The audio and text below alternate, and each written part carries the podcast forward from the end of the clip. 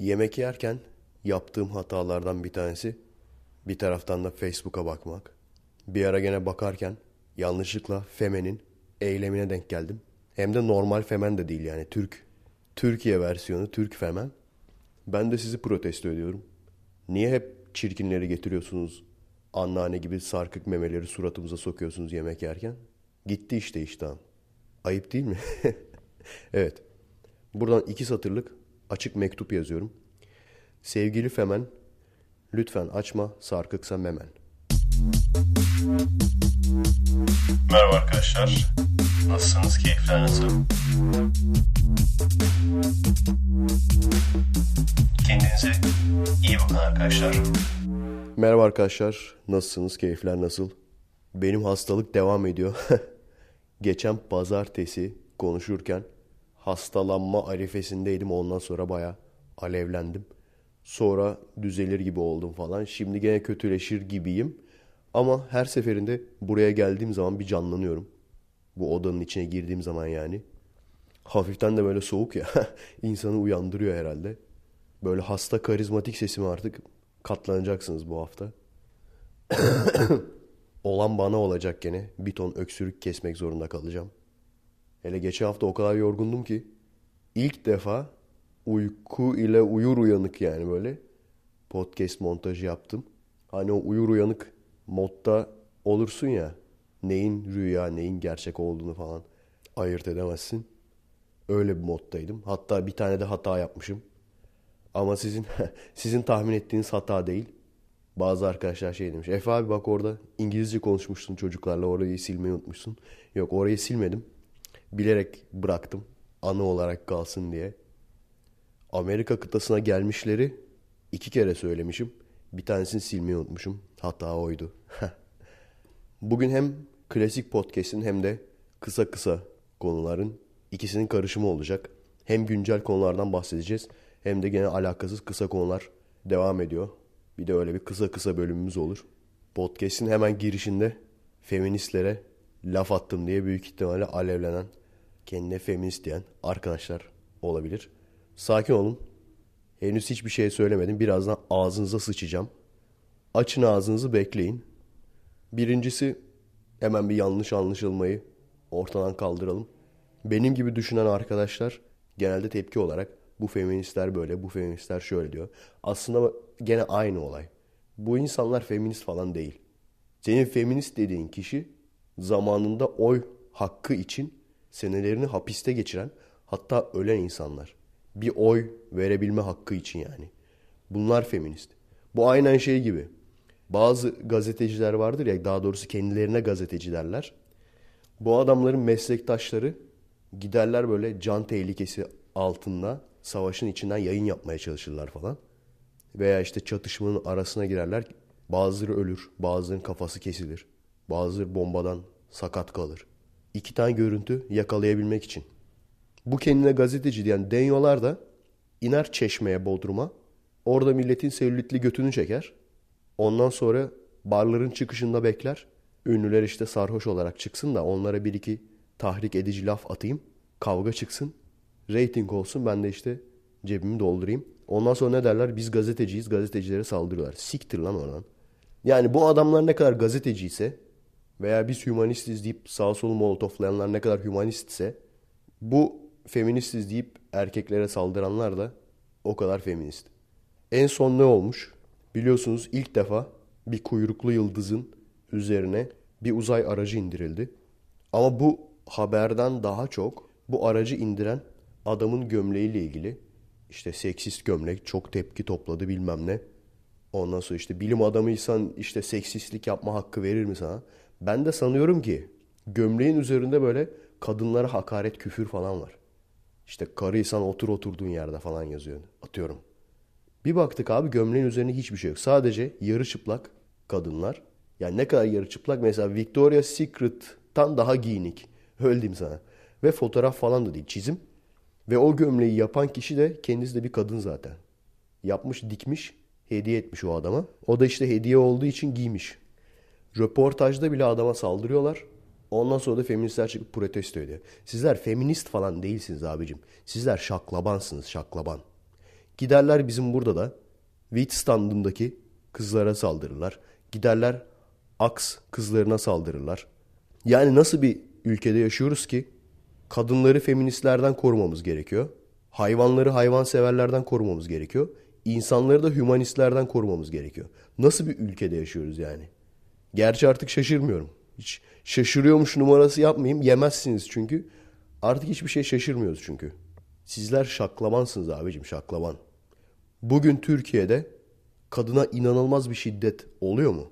Bugün Türkiye'de adam başlık parasını verip çocuklarla evleniyor mu? Çocuk gelinlerle. Hadi wheat standını bastığınız gibi gidin o doğuya oradaki düğünleri de basın. Hadi basın. Basın. Yani burada sanat filmi çekiyorlar. İşte kadına şiddet oluyor bilmem ne. Kadınları dövüyorlar. O köydeki doğudaki o başlık parasını veren adam da o sanat filmini seyredecek. Bir etkilenecek böyle. Vay diyecek ben ne yapıyorum falan. Boşanacak ondan sonra. Gidip orada işte yarı çıplak kadın gömleği giydi diye erkeğe saldırmak. Bunları yaptığın zaman bunun ucu bize dokunuyor. O zaman o zaman biz de bu şekilde konuşuruz. Ha şunu diyebilirsiniz. İkisi aynı şey değil. Bir tanesi Amerikan versiyonu, bir tanesi Türk versiyonu falan. Buraya geldiğiniz zaman o kadar fark ediyorsunuz ki bizim işte bu anti-emperyalist takılan insanların aslında hepsi Amerika'nın bir değişik versiyonu. Bizim buradaki komünistler yani siz böyle bir komünist hayal edebilir miydiniz? Çok garip geliyor değil mi? Amerika'daki komünistlerle aynı aslında kafa olarak. Burada da mesela sürekli sağa sola yapıştırıyorlar. Amerikan Komünist Partisi. Burada da şey var. Ferguson'da bir zenci mi vurmuş polis haksız yere. İşte bir suçluymuş da işte vurmaması gerekirken vurmuş falan. Onu kullanıp ne diyorlar biliyor musunuz? Haydi zenci kardeşler. Polisler zencileri öldürüyor. Haydi zenciler sokağa.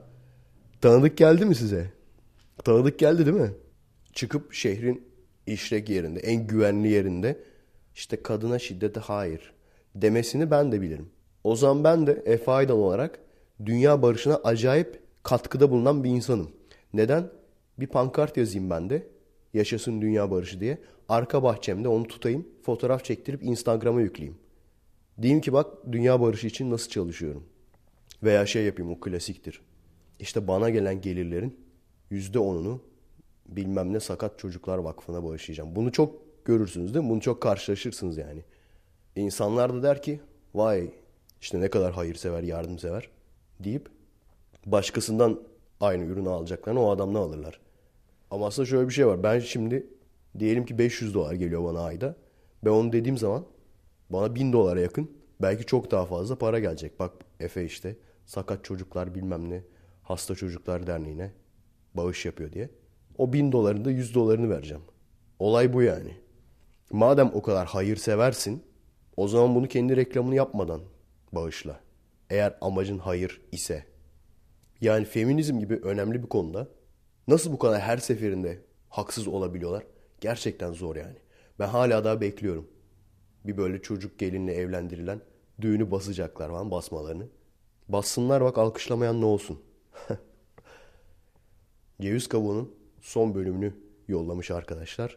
Birkaç kişi birden yollayınca hadi dedim boş vaktim de vardı şey yaparken çünkü bu astronomi animasyonlarına falan devam ederken bir yandan da arkadan ses olsun diye açtım. O benim eski eğlencemdi aslında. Hatırlıyorum. Çok gençken. Yani üniversitede iken işte odamda önümde bilgisayar, yan tarafta da işte 55 ekran televizyon. Televizyonu açarsın böyle. Bir de geç saatte ya. Tam gamer saatinde yani. Bir taraftan onlar tartışırken bir taraftan strateji oyunu falan oynarsın böyle. Rise of Nations bilmem ne. O şekilde dinlediğim zamanları hatırlıyorum. Ondan sonra FRP oynatıyordum arkadaşlara. Dungeon Master'dım. Kendi bir dünyamız vardı. Forgotten Realms'ın kuralları ama Türkler vardı. Tarkan bilmem ne. Bir de böyle Tarkan'daki plastik ahtapotlar falan filan vardır ya. O tür bir dünyaydı yani. Eğlenceli bir yerdi. İşte mesela onları hazırlarken bir taraftan ceviz kabuğu dinlediğim zamanları hatırlarım. Ondan sonra şeyi Ayvalık'ta arkadaşın yazlığına gitmiştik. Yan tarafta gece kulübü vardı. Herkes oraya gitti. Ben de yanında Japonca dersi getirmiştim. Bir yandan Japonca çalışırken bir yandan çok sert bir kahve yapmıştım. O kahvenin tadı hala aklımda yani. Bayağı iyi sağlam alevli bir kahve yapmıştım. Bir yandan da ceviz kabuğunu açtım tekrar. Bir yandan dışarıdan gece kulübünden ses geliyor falan. Yazın. Onu hatırlıyorum. Bayağı uzun süre hiç kaçırmazdım takip ederdim yani. Ta ki e, ateist olana kadar. Ateist olduktan sonra bazı programlarında İslam'ı fazla savundun. Haksız bir şekilde savundun. Hatta ben ateist değilken bile bu beni rahatsız etmişti. İşte birisi ki o konuşan kendisi de Müslüman birisi. Tamamen farklı bir konu için gelmiş. Ama işte İslam'ın için şiddet de var falan dedi. Deyince böyle herkes saldırmaya başladı. Cevizoğlu müdahale etmedi falan böyle. izin verdi. Ondan sonra Yaşar Nuri Öztürk bağlandı falan. Bağırmaya başladı adama. Sen nasıl İslam'da şiddet var dersin falan. Adam tabii savunamadı. Çünkü savunsa adam kendine Müslüman ya kafir diyecekler yani. Hani İslam'da şiddet var dese adamı dövecekler Müslümanlar. O yüzden savunamadı. Orada bile benim ateist olmadığım dönemde ama beni bile rahatsız etmişti. Bir iki böyle gene videosu denk geldi. İşte Ayşe Hür. Kendisini sevmem. Ama Atatürk'ü övmek için Atatürk dinsizdi dedi. Hulki Cevizoğlu da sinirlendi falan. İşte Trikopis'e dinsiz desek iyi mi olur falan diye. Ayşegül dedi yok ben onu hani övmek için söyledim falan.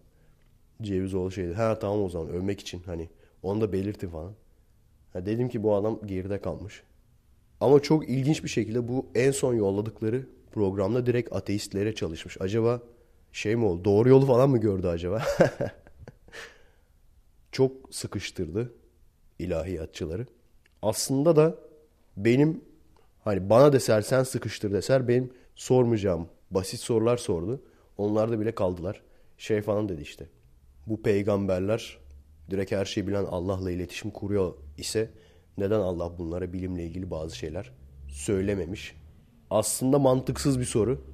Şey pek koruyamadı kendisini ama oradaki İslamcı hoca. Aslında mantıksız bir soru çünkü şey falan dedi mesela niye kansere tedavi söylememiş falan. E zaten kansere tedaviyi söyleyecek olsa baştan kanseri vermesi saçma. Hani baştan esas sorman gereken soru o. Eğer biz mükemmel canlıysak niye kanser oluyoruz? Hani şimdi şey diyorlar. İşte cep telefonlarından, radyasyondan falan. E bunlar yokken ne oluyordu? Ve hatta bunun tam tersi var. Mesela bahsettim mi hatırlamıyorum. İşte ey inananlar kardeşinizle evlenmeyin falan diyor. Hatta bunu da kullanmak için şu vahiy alan bilimsel İslamcı hoca var ya vahiy alan. O sormuştu bir videosunda. Ateistler neden ensest yapmıyorsunuz, kardeşlerinizle evlenmiyorsunuz falan diye. Hadi buna da cevap verin falan diye. Biz evlenmiyoruz işte çünkü Kur'an'da yazıyor. E çok güzel. Peki neden orada durmuş? Neden kuzenlerden bahsetmemiş? Amcaoğlu, dayıoğlu. Ve hatta tam tersi peygambere bunları helal kılıyor. Peygamberin yaptığı da sünnet olduğuna göre. Yani aslında bunlardan bahsedebilirdi. Çok hafif sıkıştırmış bence. Gene de sonlara doğru çok kavga etmediler. Ama bayağı ateistleri tuttu yani. Hulki Cevizoğlu işte. Ben demiştim ya bir ara. Kur'an'da ben ateist veya inançsız daha doğrusu ateist hani kelimesi olmaz da hani hiçbir şeye inanmayan veya işte hiçbir tanrısı olmayanlardan bahsedilmiyor demiştim. Onu Cevizoğlu da belirtti. Bunu söyledi. Ondan sonra işte şey dedi. Bilimle ilgili niye bir şeyler söylememiş Allah. Bunu deyince de cevap olarak İslamcı hoca şey dedi. Bu çok duyduğunuz bir şeydir ve yanlıştır. İslam'da, Kur'an'da, ayetlerde insanlar bilime teşvik edilir. Deyip ondan sonra da ayet örneği verdi. Oku mesela. Ondan sonra hiç bilenle bilmeyen bir olur mu? Ateistleri diyorlardı ya cımbızlama yapıyorlar diye. Bu direkt cımbızlamadır. Neden? Bugün, şimdi pause yapada bilirsiniz isterseniz. İnternetten arattırın. Kur'an'da insanları bilme teşvik eden ayetler diye. O ayetleri bulun. Bu en ünlüsü az önce söylediğim. Hiç bilenle bilmeyen biri olur mu? Sonra bu ayetlerin bulunduğu sureleri baştan sona okuyun. Aslında bilimle hiçbir alakası yok. Yani tartışma konusu bile değil. Mesela hiç bilenle bilmeyen biri olur mu? Direkt şey, Allah'ın varlığını olması lazımdı. Bunlardan hep dediğim gibi detaylı olarak ateizm serisinde örnek vererek, ayet vererek bahsedeceğim. Biliyorum insanlar sürekli sorup duruyor abi ne zaman gelecek. Yani astronominin bu bölümünü bitirmem lazım bir kere. Onu bitireceğim. Ondan sonra gelecek yani. Hani bütün seriyi bitirmeyeceğim. Sadece bu bölümü bitireceğim. Ondan sonra bir bölüm atıyorum ateizm serisinden. Bir bölüm huzur ifan. O şekilde devam edeceğim. Bir bölüm tekrar astronomi. Şüphe duyanlardan bahseder. İşte onlar bizden şüphe duyarlar falan. Yani şüphe duymak bile caiz değil. Ki tartıştığınız zaman insanlar hep şey der. Hani şeyi kullanırlar ya. İşte eğer yoksa biz bir şey kaybetmeyeceğiz. Eğer varsa falan. Orada hep şey derler. Ki var olduğuna şüphemiz yok. Aslında o kadar şüpheleri var ki. Ama olay şu. Eğer şüphen var dersen o sana günah yazılıyor. O bir. ikincisi de mesela şüphe duyanların gözüne biz perde çekeriz. Aslında tam tersi olması gerekmez mi? Şüphe duyanları inandırmak için bazı mucizeler yollarız falan demesi gerekmez mi? Tam tersi aslında. Şüphe duyanların gözüne perde çekeriz. O sizin kafanızı karıştırdı değil mi arkadaşlar o ayetler? Birçok yerde bahseder. Bazıları der ısrarla inanmaz bize çünkü biz onların gözlerine perde çektik. Ve onları acı bir azap bekler. Şimdi bu Müslüman arkadaşlar da beni takip ediyorlar. Mantıklı geliyor mu size? Yorumlarda yazabilirsiniz. Bu olay nedir? Neden böyle bir şey söylenmiş? Çünkü o esnada, ayetlerin okutulduğu esnada birçok kişi gerçekten inanmıyor. Ve diğer inananlar da soruyor ki, e hani şüphesizdi varlığı. Neden bu insanlar bak inanmıyor? Hatta dalga geçiyorlarmış öyle bir ayet vardı. Niye dalga geçiyorlar? İşte çünkü Allah onların gözüne perde çekti o yüzden. Yani o perdelediği için inanmıyorlar. Yine Cevizoğlu bir soru sormuştu. İlahiyatçı hoca tamamen farklı şeylerden bahsetti. O sorunun cevabı güme gitti. Aslında sorunun cevabı bellidir. Sorduğu şey bayağı bir aslında en terlettiği yer herhalde oydu. Dedi ki bak dedi Musa'ya bir sürü mucizeler gelmiş. İşte denizi yarması. Ondan sonra sopayı attığı zaman sopanın yılana dönüşmesi vesaire. İsa'ya bir sürü mucizeler gelmiş. İşte ölü kuşu diriltmesi, ölüleri iyileştirmesi falan. Muhammed'e neden böyle bir mucize gelmemiş dedi. Hatta şeyi de ekledi. Ayın yarılması olayının da astronomların böyle bir olayın olmadığını kanıtladığını söyledi. Ve dedi ki işte Muhammed'in neden mucizesi yok dedi ilk başta. İlk başta ilahiyatçı hoca şey dedi. İşte klasik mucize olsaydı herkes inanırdı. Ondan sonra o işte güzel ahlakıyla kendisinin peygamber olduğunu kanıtladı. Bu sefer de Cevizoğlu şey sordu. Peki dedi şimdi İskender Evrenesoğlu peygamber olduğunu iddia ediyor. Vahiy aldığını iddia ediyor. Bu adamın deli değil de gerçekten peygamber olduğunu nasıl kanıtlayacağız? Çünkü mucizesi de yok bu adamın. Bu adam çok güzel ahlakı varsa, çok güzel şeyler söylerse o zaman buna da peygamber mi diyeceğiz? dedi. Aslında biraz şey gibiydi Cevizoğlu. Hani ateizme yeni geçen böyle üniversite hazırlık okuyan gençler vardır ya. Yani ilk başlarda böyle felsefe kitaplarına falan bakıp işte Allah kaldıramayacağı taşı yaratabilir mi falan. Deyip öyle yavaş yavaş ateizme geçen. Ama güzel sıkıştırdı yani. Ondan sonra işte neyse ilahiyatçı hoca da şey dedi. Hayır dedi peygamber olamaz dedi. Çünkü Kur'an'da dedi son peygamberin Muhammed olduğu söylenmiştir. Bu sefer de tabii Cevizoğlu şey dedi. Ama o işte bizim inandığımız kitap sonuçta. Sonuçta Hristiyanlar da Muhammed'e inanmıyorlar. Onun sahtekar olduğunu söylüyorlar. Bunu nasıl açıklayacaksınız falan deyince bayağı bir bu sefer uzun uzun konuşmaya başladı. Hani o moda girerler ya. Uzun uzun konuşup hiçbir şey anlatmamaya başladı falan. Ondan, ondan sonra reklam arası falan konu değişti. Bunların cevaplarını ben vereyim size arkadaşlar. Bir, neden diğer iki peygamberin mucizeleri var da Muhammed'in mucizesi yok? Sebep şu. Diğer iki peygamber Musa ve İsa haklarında başkasının hatta yüzyıllar sonra kitaplar yazdığı kişilerdir. İsa diye bir karakterin olduğu başka hiçbir yerde yazmaz. Yani ya hiç öyle bir karakter yok. Çünkü o dönemde yaşamış tarihçiler bunları hiç bir şekilde not etmemiş. Ya da var ama işte bu kitabı yazanın kankisi falan. Yani çok önemsiz bir insan. Ama büyük ihtimal hiç yok bile yani. Hani efsane gibi düşün. Şu an onlarca efsane var ya. Biz sadece çok azını biliyoruz. İşte Budizm diyoruz bilmem ne. Şintoizm diyoruz. Aslında o kadar çok var ki. Dünyanın nasıl yaratıldığı ile ilgili. Bizim bu Adem ve Havva olayı sadece bunlardan bir tanesi yani.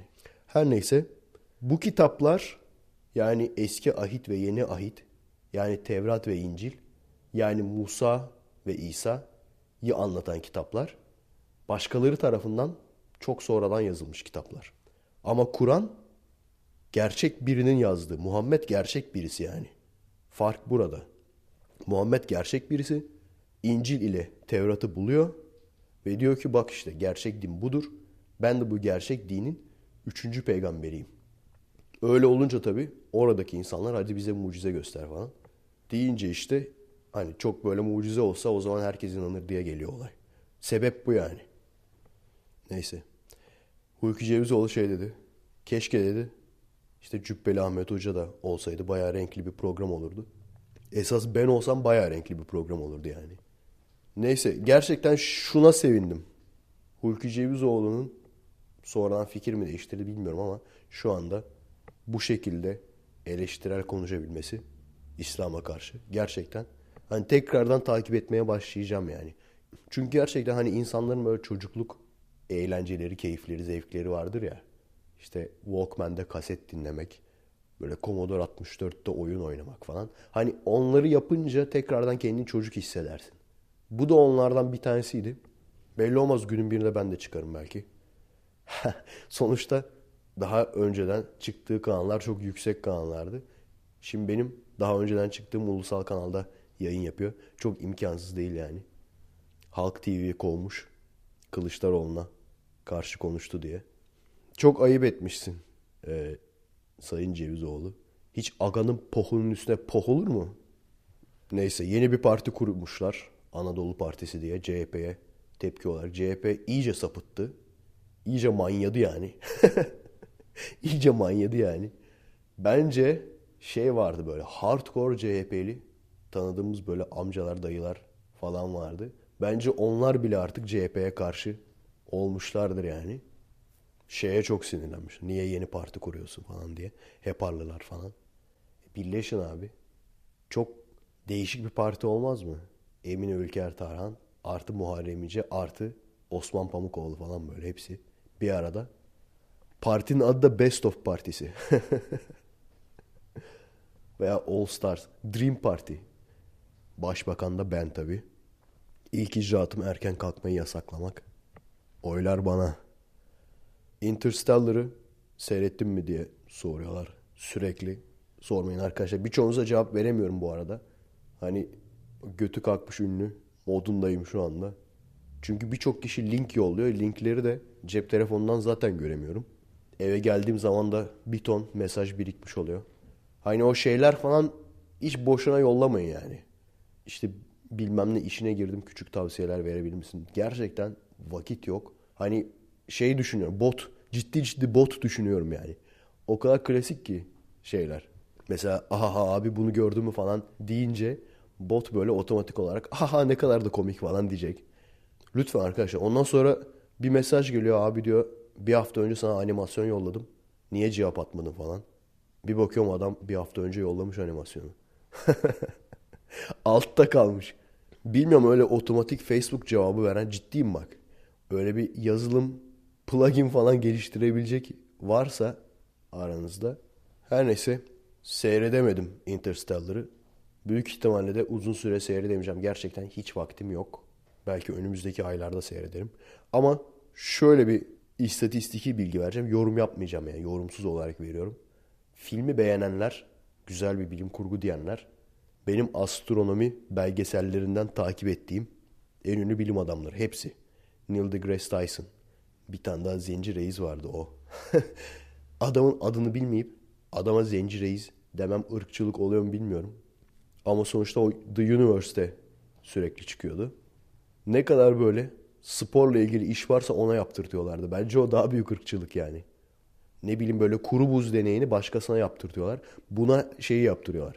İşte koşarken şeyle tabancayla ateş etme bana. Hani sen zencisin ya yaparsın. böyle yan tutarak ateş etme falan. O beğenmiş işte. Ondan sonra Michio Kaku biliyorsunuzdur. O beğenmiş. Bill Nye beğenmiş galiba. Brian Cox o da beğenmişti galiba. Sonuçta hani bilim adamlarının içine ben beğenmedim diyen yok. Tabii ki bir noktaya kadar bilim, bir noktadan sonra bilim kurgu. Zaten bilim kurgu odur yani. Hani aslında bilim kurguyla fantastikliğin, fantazinin arasında ince bir çizgi var. Hani bazı filmler tartışılır. Ama sonuç itibariyle iyi bilim kurgu nasıl olur? Bir yere kadar bilimseldir. Ondan sonra mesela burada ne olmuş? Wormhole denilen teorik bir olay. Uzayın, daha doğrusu uzay zaman kumaşı diyorlar ona. Fabric of Space-Time. Uzay zaman düzleminin içinde bir delik oluşup diğer tarafa gitmesi. Orada nasıl değerlendirmişler bilmiyorum ama benim hatırladığım kadarıyla siz de ayrıyeten araştırırsınız. Bu wormhole dedikleri olay nereden kaynaklanıyor, neyden kaynaklanıyor? Normalde aslında bizim gravity dediğimiz, çekim gücü dediğimiz olay aslında cisimlerin birbirini çekmesi değil. Cisimler uzay zaman düzleminde bir ağırlık oluşturuyorlar. Yani şey gibi düşün. Bir çarşafı geriyorsun, bir top atıyorsun çarşafa. Ne olur orada hafiften böyle bir çukur oluşturur. Aslında olay o. Ve ondan sonra da o çukurdan çıkamadığı için mesela ay onun etrafına sürekli dönüp duruyor gibi.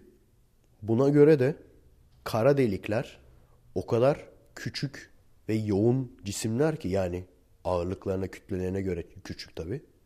O kadar yoğun cisimler ki bunlar direkt çok çok çok ağır ama çok küçük bir cismi bu kumaşın çarşafın içine attığını düşün. Direkt böyle delik gibi bir şey oluşturur. Teorik olarak da kara deliklerin varlığı kanıtlanmış. Onlar var.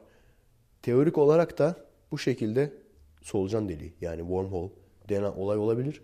Ve bu da uzayın başka bir yerine kadar bu kumaşı delebilir veya delik oluşturabilir diye hani matematiksel olarak doğrulanmış ama henüz gözlemlenememiş varlığı bilinmeyen bir olay. Bu bilim kurguda da bunu işte bulmuşlar. Buraya giriyorlar, oradan çıkıyorlar vesaire. Bu bilim adamları beğenmiş. Beğenmeyenler kim? Benim gördüğüm kadarıyla bizim buradaki üniversiteli liseli gençler.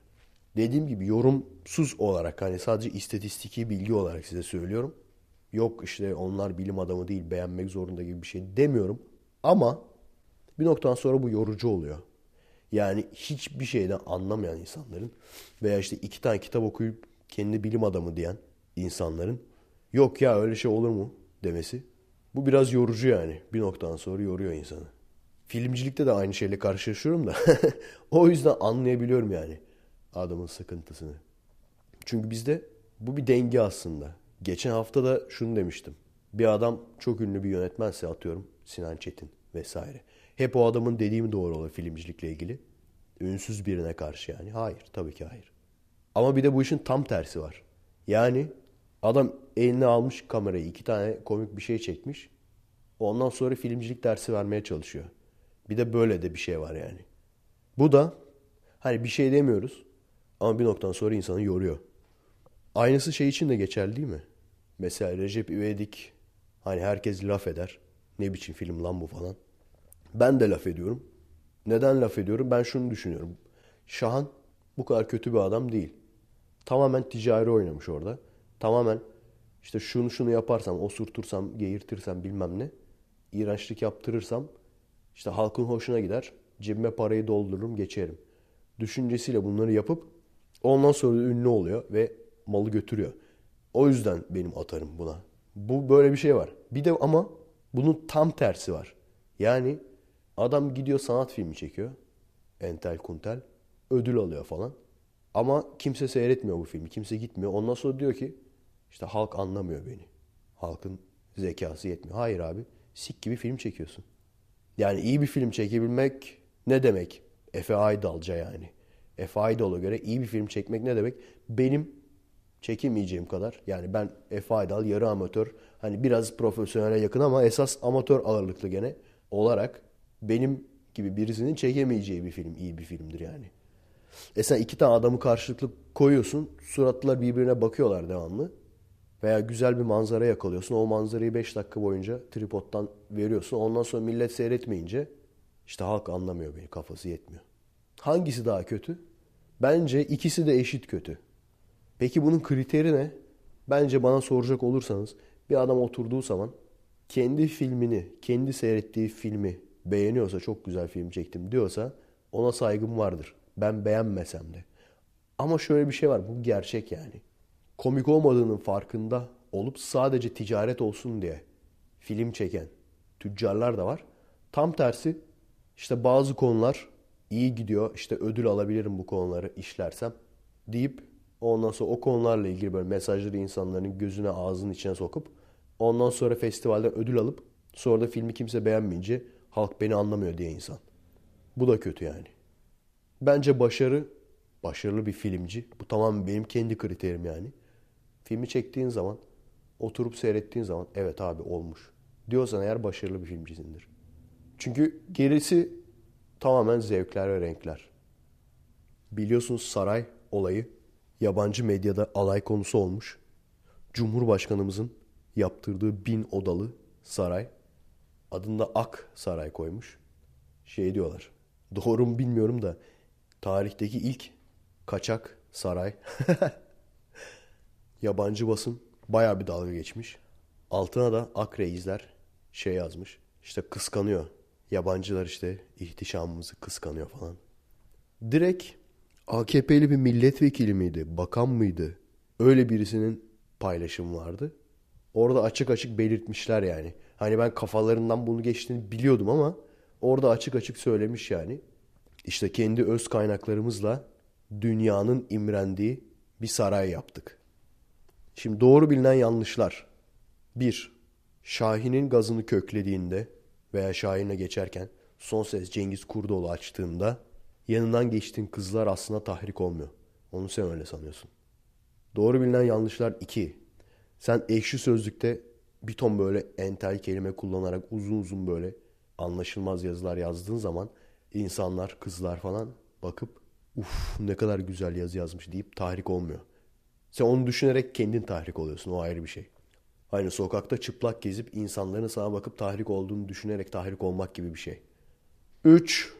Sen kolunda sıra sıra bilezik ile gezdiğin zaman komşuların çatlamıyor veya kıskanmıyor. 3B komşun seni kıskansa ne olacak? yani komşun seni kıskansa ne olacak? Neyse.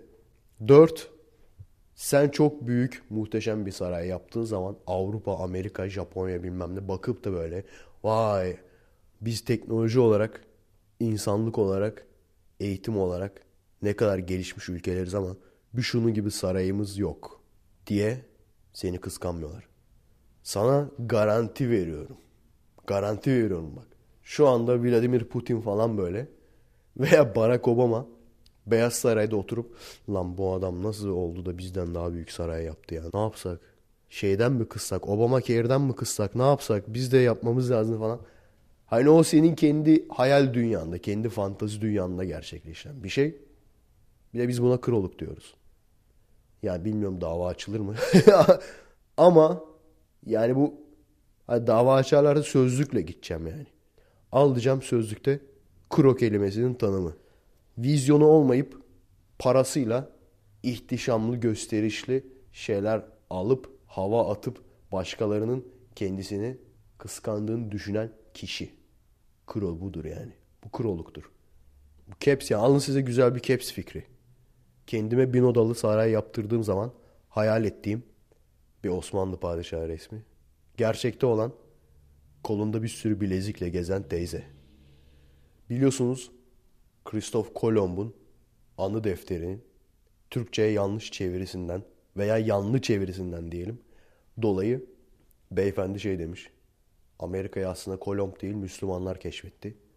Gene alay konusu oldu yabancı basında ben takip ediyorum. Bir arkadaş da şey diyor. Lan diyor şaka maka. Baya yabancı basında adımız duyuluyor artık. Orası öyle canım. Neyse bu arada şeyi sormuşlar abi şeyde der mi? Ay'a ilk Müslümanlar çıktı falan. Ben size Ay'a ilk Müslümanların çıktığını kanıtlayayım. Ay'a ilk ayak basan kimdi? Neil Armstrong. Neil Armstrong'un dini görüşü ne? Deist. Deist neye inanır? Yaratıcıya. Gerçek yaratıcı kimdir? Allah. Allah inanan ne denir? Müslüman. Gördünüz mü? Dalga geçiyorum sanıyorsunuz ama internet üzerinde bu kedicikleri çok seven tarikatlar var ya. isim verdiğim anda dava açabiliyorlar. Öyle bir hukuk sistemimiz var. O yüzden isim veremiyorum. Kedicikleri çok sevendiğim artık tahmin edin. Allah'a iman eden bilim adamları diye videoları vardı. İşte Einstein falan, Stephen Hawking falan. Eski Hristiyanları falan tabii ki koymuşlar. Galile, Newton. Bu arada konu kaynadı. Bir şeyin daha açıklamasını yapacaktım. Şu Cevizoğlu'nun ilahiyatçı hocaya sorduğu sorular var ya. Şeyi sormuştu. İşte Hristiyanlarla Yahudiler birbirlerini kabul ediyorlar. Ama Muhammed'in gerçek olduğunu kabul etmiyorlar. Ona sahtekar diyorlar. Gerçekten birçoğu öyle. Bunun da açıklamasını söyleyeyim. Orada işte neden bunlar sahtekar olarak kabul ediyorlar. Biz kendimizi gerçek kabul ediyoruz ama biz bizden sonrakileri sahtekar kabul ediyoruz diye sormuştu Cevizoğlu. Bunun da açıklaması ben de uzun süre bana da saçma gelmişti yani. Sen kendi Hristiyanlık dininin gerçek olduğuna inanıp İslam'ın uydurma olduğunu nasıl düşünürsün falan diye. Açıklaması basit. Yarım haklılar. Şu bakımdan haklılar. Muhammed'in Tevrat ve İncil'i bulup bunun üzerine üçüncü dini kurma konusunda haklılar. Ama kendi Tevrat ve İncil kitaplarının gerçek tarihi yansıttığını savunuyorlar. Tam aradalar yani. Sürekli şeyi görüyorum. Her burada çalıştığım mekanda video yüklediğimde insanlar şey diyor. Abi orası Amerika değil Hindistan. Benim anlayamadığım Hintlilerin işlettiği bir okul niye o kadar garip geliyor ki size yani. Ülkeyi komple işleten adam Kenyalı. Geçen gün onu düşünmüştüm. Tamam mı? Dedim lan dedim. Böyle giderse bu ülkenin komple başına da bir göçmen geçer. Bu adamlar işletmesini bilemez ülkeyi. Sonra düşündüm lan dedim Obama zaten öyle. Olmuş bile yani. Babası Kenyalı. Kendisi burada doğmuş büyük ihtimalle. Çünkü doğmazsan başkan olamıyorsun. Hatta işte cumhuriyetçiler o şekilde atar yapıyorlardı. Obama Kenya'ya geri dön. İşte Amerika'yı Amerikalılar yönetebilir. Siktir lan. Obama'dan önce gene adam Amerikalıydı işte. Bildiğin Teksaslı. Bush. Ne oldu? yani gene Türkiye'deyken anlamsız gelip de buraya gelince ha dediğim şeylerden bir tanesi yani. Koskoca şu anda dünyanın en güçlü ülkesi kabul edilen bir ülkenin başına Bush gibi bir adamın gelebilmesi. Ama buraya gelince anlıyorsun. Ha diyorsun evet. Bu adamların başkanı harbiden Bush. Amerika'yı Amerikalılar yönetsinmiş. Koysak ne olacak? Bir tane Amerikalı koyalım istersen. Yani aslında Bush onların için en iyilerinden bir tanesi. Diğerleri daha böyle kafası çalışan insanlar ama iyice böyle. Direkt filmlerdeki kötü iş adamı yani direkt kötü adam. Bir de şey çok ilginç. Bizde de onun Türk versiyonu vardır. Gene Amerika'dan alınmadır. İşte Sarah Palin veya Bush bu tür insanlar için şey diyorlardı. Bak işte bunlar elitist değil, halkçı. İşte oturup da birer bira içebileceğim. Aynen böyleydi şeyleri. Kendi reklamlarını tabi bunu seçmenin ağzından yapıyorlar da kendi reklamları olarak yapıyorlar. İşte oturup da birer bira içebileceğim. Birinin başkan olmasını istiyorum falan. İyi de abi. Şimdi düşünecek olursan Bush gibi adamlarla mı oturup bira içmek istersin yoksa Obama gibi adamlarla mı? Yani Republicanların özelliği o kadar fake ki adamlar. Yani gerçek hayatta o şekilde konuşmadıklarından eminsin yani. Aradaki fark bu. İşte image maker'larına soruyorlar bilmem ne. Nasıl karizmatik olamıyoruz Obama daha karizmatik bilmem ne. Kendin ol. Obama öyle kazandı yani. Kendisi oldu adam. Gayet normal. Zaten bu insanlar, bu başkanlar yani hani İngiltere kraliçesi gibi bir şey yani. Değişiyorlar, değişiyorlar. Republican geliyor. Öteki demokrat geliyor. Hiçbir şey değişmiyor ki.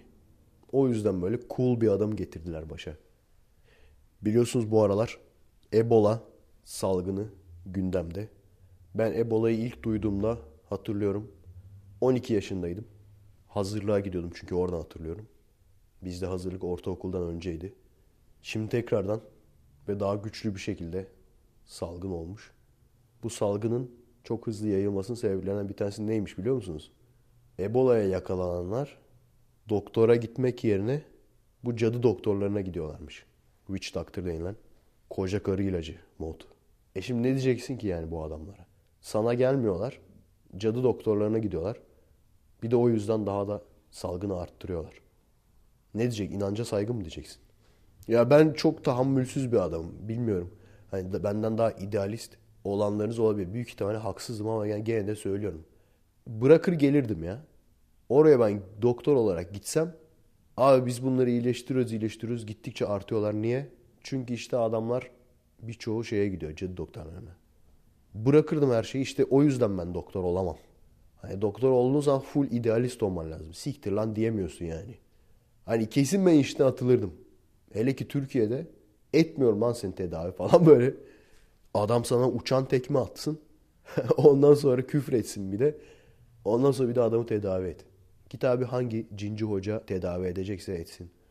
Gene bizim farkında olmadığımız şeylerden bir tanesi işte bu. Mesela biz diyoruz ki işte şu şu şu din kötüdür, zararlıdır.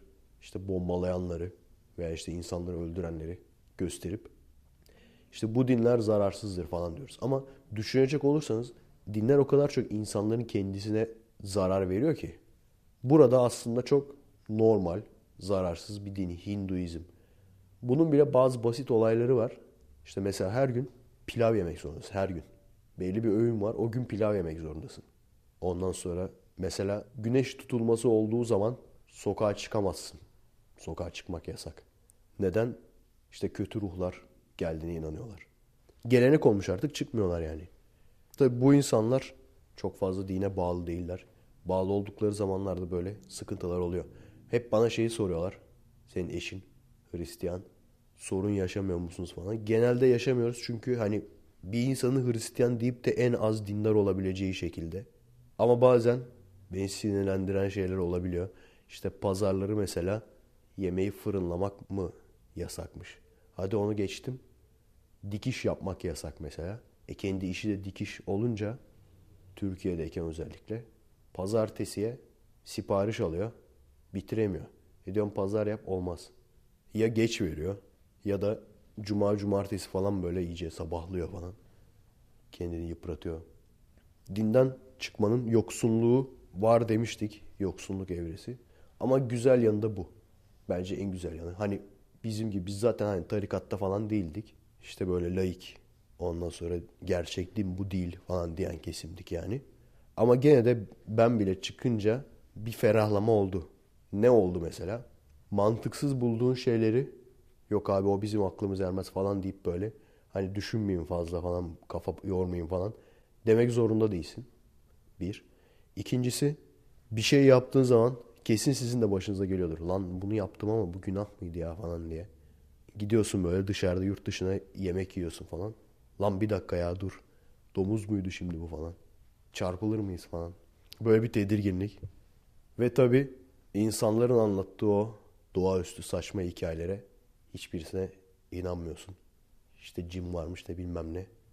O kadar insan rahatlıyor ki bu tür şeylere inanmayınca. Çünkü görmediğin yukarıda bir tanrıya, bir varlığa inanmak ne kadar modern olursan ol şunu gerektirir. Doğaüstü bir şeye inanmayı gerektirir. Çünkü tanrı doğaüstü bir şeydir. O birinci basamak. Doğaüstü bir şeye elinde kanıt da yokken inanmaya başladığın zaman ondan sonra gerisi geliyor. Sen buna inanıyor musun? İnanıyorsun. Bak ama bu ne diyor? Cinler var diyor. Cinlere inanıyor musun? E, inanıyorsun tabii. Seve seve yani. Hadi cinlere de inan. Ondan sonra şunu şunu yaptığın zaman günah olacağına inanıyor musun? Çarpılırsın, işlerin ters gider.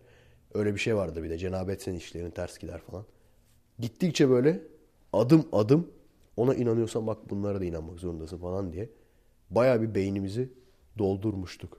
Şimdi onların hepsi gidince çok rahatladım yani. Bugünün son konusu. Bir saati geçtiğimi sanmıyorum ama yarın devam edelim. Çünkü 15 dakika sonra mesaim başlayacak. Geçen gün aklıma şey geldi. Şimdi mesela bizim 80'lerde dinlediğimiz o gruplar var ya.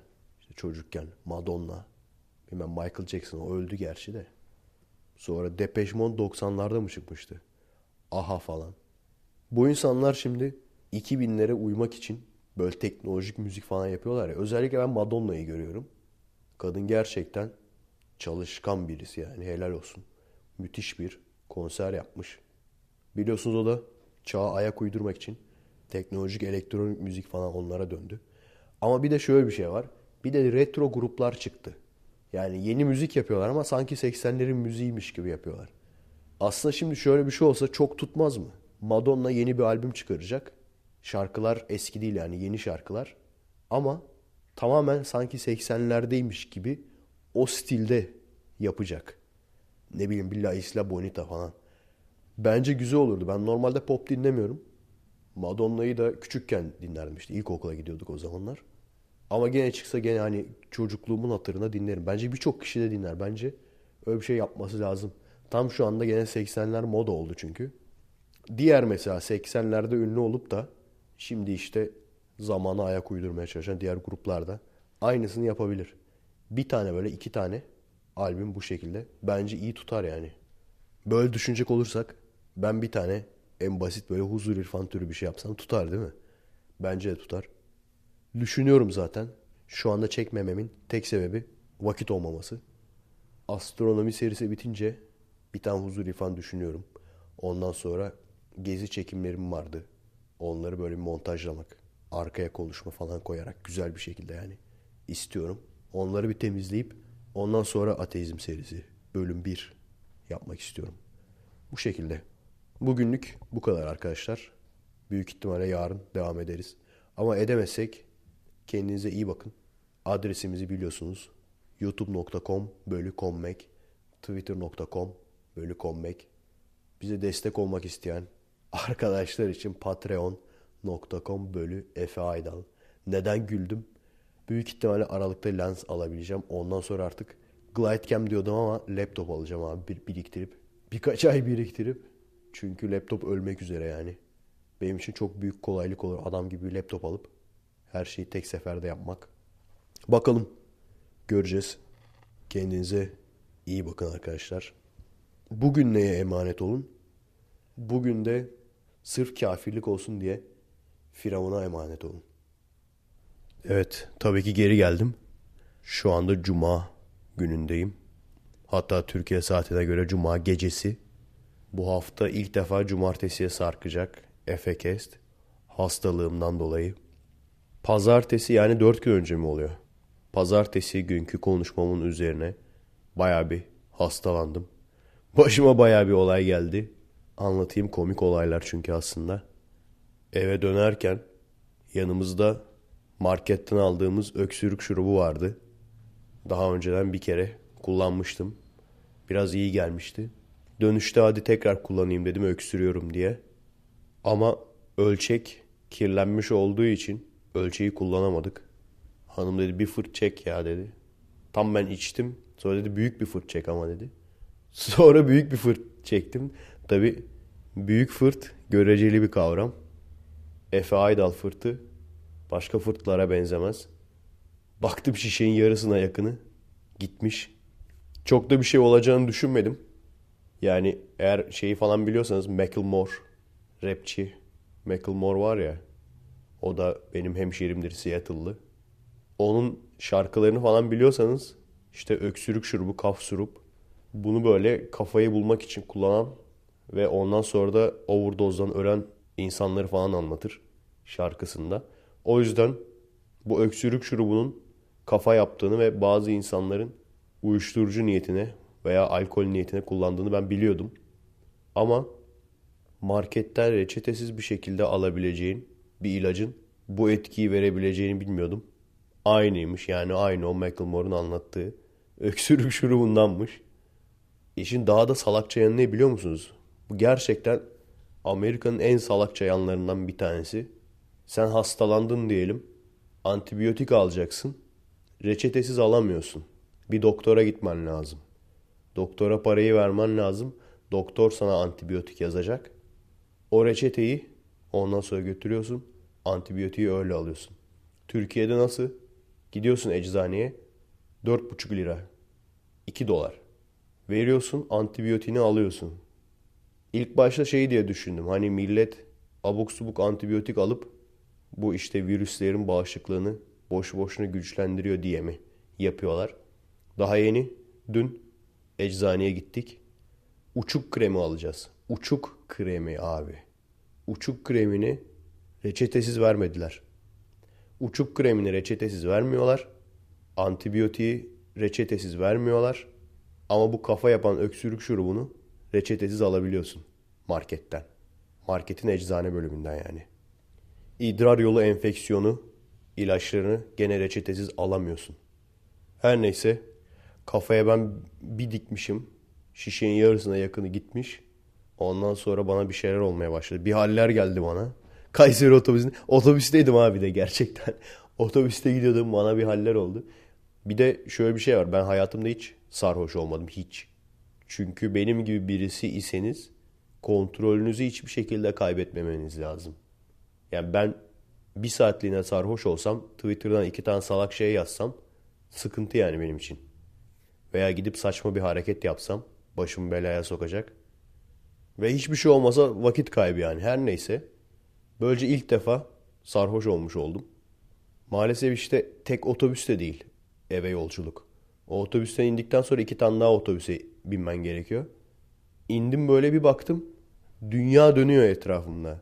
Şampiyon gibi falsolu yürümeye başladım böyle. Bağıracaktım böyle. Lan yakarım lan bu mahalleyi falan. Ondan sonra baktım olmayacak.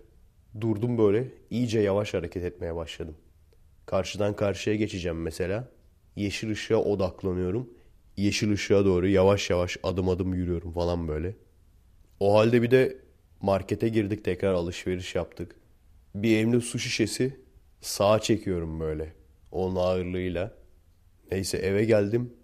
Yatağa attım kendimi dünya dönmeye devam ediyor ama. Ondan sonra neden bilmiyorum ne alaka tekrardan ateşlendim. Tam da iyileştim diyordum. Bu olayla bir alakası var mı yoksa tesadüf mü bilmiyorum. Yani o ilacın etkisi geçince bu sefer ateşlendim. Ondan sonra hastalık tekrardan başladı. Her neyse. Bir daha öyle çılgın işler yapmayacağım. Şey yapmıştım.